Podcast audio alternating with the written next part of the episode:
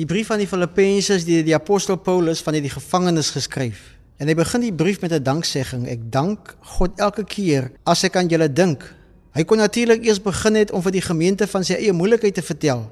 Hy's in die tronk, hy word mishandel, hy kan moontlik doodgemaak word, sy vryheid is ingeperk en die misdaad waarvoor hy aangekla word en gefonnis is, is nie eers in die wetboek nie.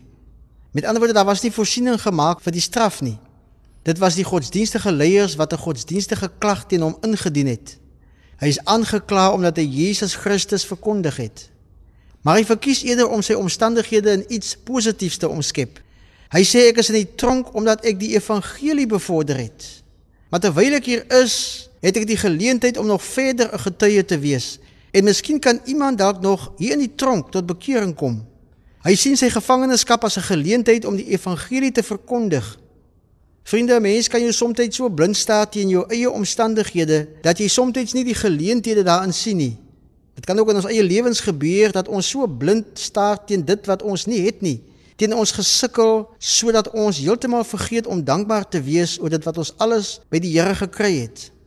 En die apostel Paulus wil juis dit vir die gemeente van Filippi kom wys.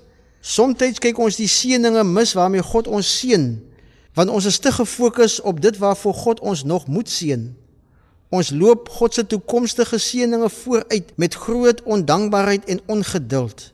In jou moeilike omstandighede lê daar soms vir jou geleenthede. Die apostel Paulus bemoedig en hy versterk die gemeente as hy reeds aan die begin vir hulle sê ek dra julle in gebed aan die Here op. Ek dank die Here vir julle. Die oorspronklike woord hier is smeekgebede. Ek smeek by die Here vir julle. Ons word ook so opgeroep vriende om ten spyte van ons omstandighede mekaar aan die Here op te dra, om meelewing met mekaar te hê, om mekaar op die hart te dra, om met voorbede na mekaar om te sien. Eers dan word ons dankbaar. Dankbaarheid teenoor die Here word gewys deur ons meelewing as Christene onder mekaar. Die eerste lewensreël van 'n Christen moet dankbaarheid wees vir dit wat die Here klaar aan my toevertrou het, ook my omstandighede. Die vraag is of mens dankbaar kan wees oor krisisse. Ja natuurlik. Krisisse kweek geloof, dit baar volharding en deursettingsvermoë. Liewe Here, gee ons 'n hart dat ons ook die nood van ander sal raak sien en dat dit ons juis meer dankbaar sal maak. Amen.